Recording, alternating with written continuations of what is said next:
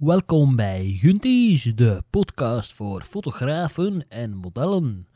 Jawel, we zijn weer een weekje verder en ja, we gaan nog even rambling in de microfoon. Dus wat hebben we deze week gedaan? We zijn bezig geweest met het bewerken van foto's. Kan je op mijn Facebook terugvinden. Ook momenteel de wissel gemaakt naar Nederlandstalige teksten, begeleiding bij de foto's. Wat als gevolg heeft dat er toch wel iets meer interactie is op de foto's. En momenteel is het vooral buiten in de tuin werken nog. En ja, vooral veel, veel tutorials bekijken, want je kan altijd bijleren. Momenteel ben ik aan het experimenteren met inverted high pass de frequency separation, maar daarin de kleurlaag gedupliceerd. Vrij technisch allemaal en enkel op podcastniveau vrij ingewikkeld om die link te kunnen leggen. En ja, fantasy, fashion, die toestanden, inspiratie verzamelen. Om eenmaal als de COVID-19 opgelost is, of ja, als we terug buiten mogen komen, om dan ja, er terug een lab op te geven. En veel zal afhankelijk zijn van hoe wij als fotografen gaan moeten omgaan met modellen qua afstanden. En ja, in mijn geval, ik geef workshops. Dus normaal gezien hebben we een model, een visagiste, mezelf en zes deelnemers. Dus dat is een totale groep van negen personen. Als die in de studio moeten zitten, om die anderhalve meter te respecteren wordt moeilijk ook. Je zou zeggen tijdens het fotograferen, neem een zoomlens en je hebt die afstand van anderhalve meter wel onder controle. Maar niet iedereen heeft een zoomlens, zeker niet bij de workshops. En dan wordt het natuurlijk wel risky, want als je er bij wijze van spreken met een meter moet gaan bijstaan, ja, dan is de fun er wel af natuurlijk. Ook qua visagie en dergelijke gaat dat wel een probleem opleveren, denk ik. Dus dat is nog maar afwachten wat de gevolgen mogen zijn. Momenteel zitten we op een soort lockdown tot 3 mei. En dan gaan ze per sector bekijken wat de eventuele opties zijn. Dus, again, afwachten. Geen idee of wij terug gaan mogen opengaan als fotograaf.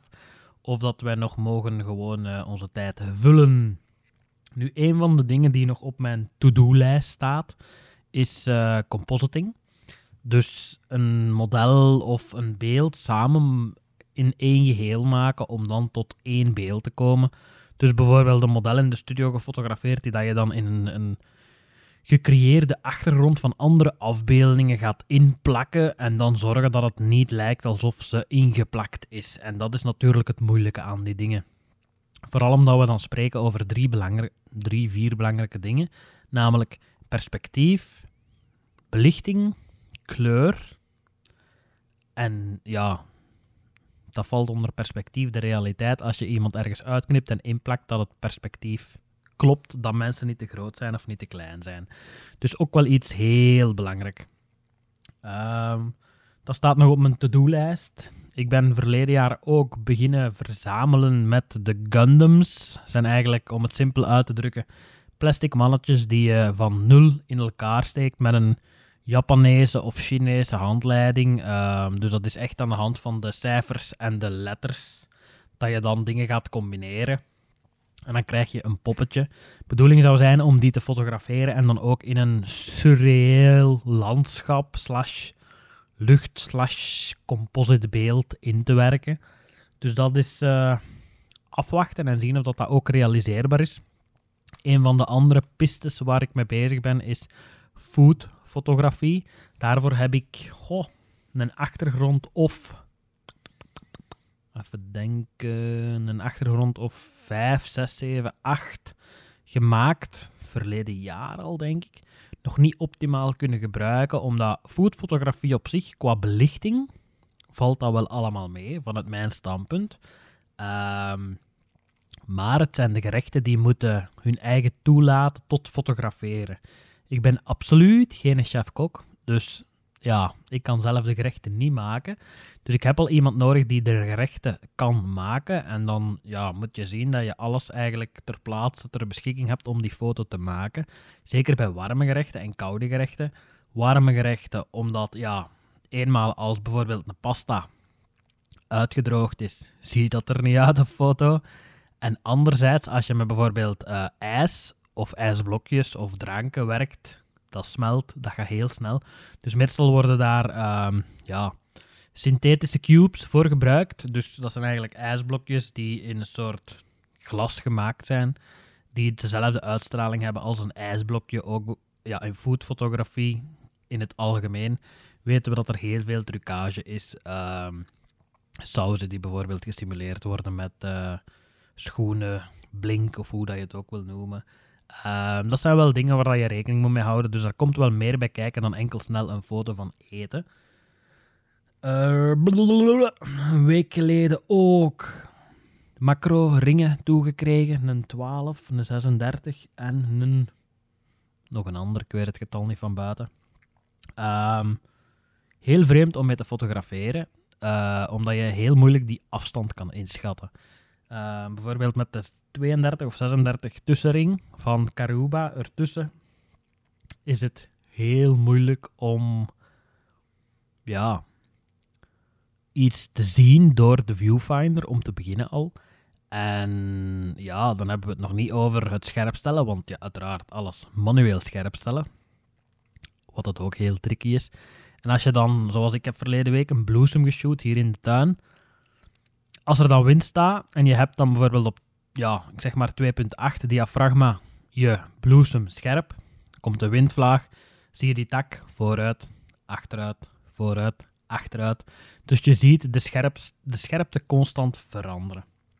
Uh, wat het fotograferen in het algemeen betreft, dat begint wel stilletjes aan te kriebelen om er terug in te vliegen. Um, ja, gewoon na een tijd begin je die dingen te missen. Ook het bewerken. Ik heb de gewoonte om foto's als een shoot afgewerkt is, die ook gewoon onmiddellijk te verwijderen. De foto's die niet afgewerkt zijn. Um, dus als je dan in je archieven wil duiken, ben je vrij beperkt in de keuze die je hebt uit beelden die nog niet bewerkt zijn. Nu, niemand had dit kunnen voorspellen, uiteraard.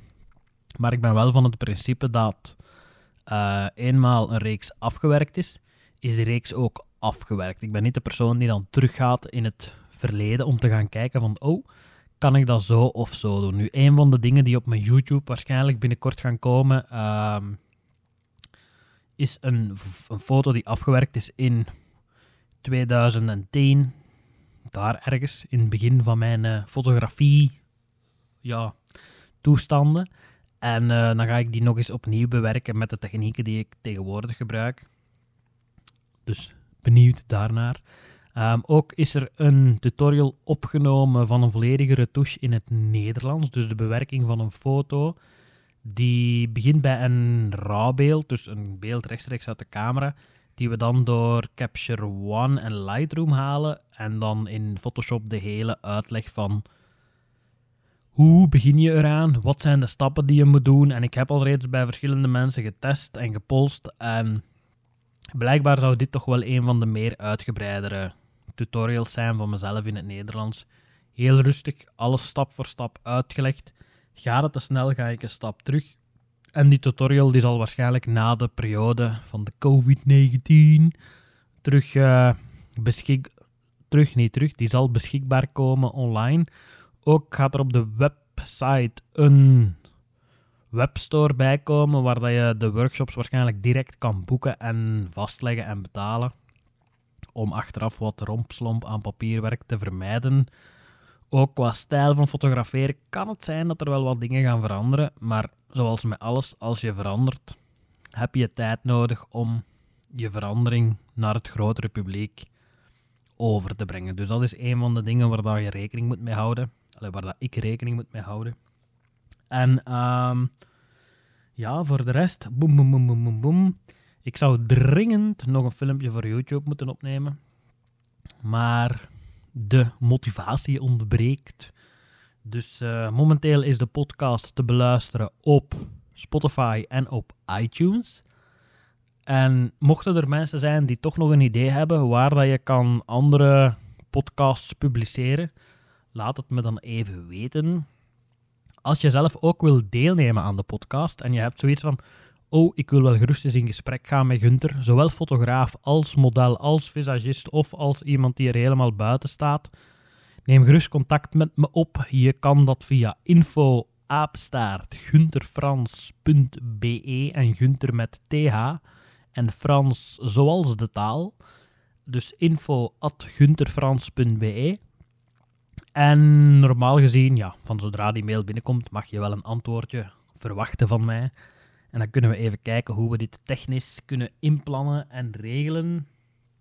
Ehm, ook een van de nieuwe dingen die er uitgekomen zijn recent is dat je op Instagram nu ook kan rechtstreeks berichten versturen. Dus je gaat gewoon naar de website instagram.com op de computer.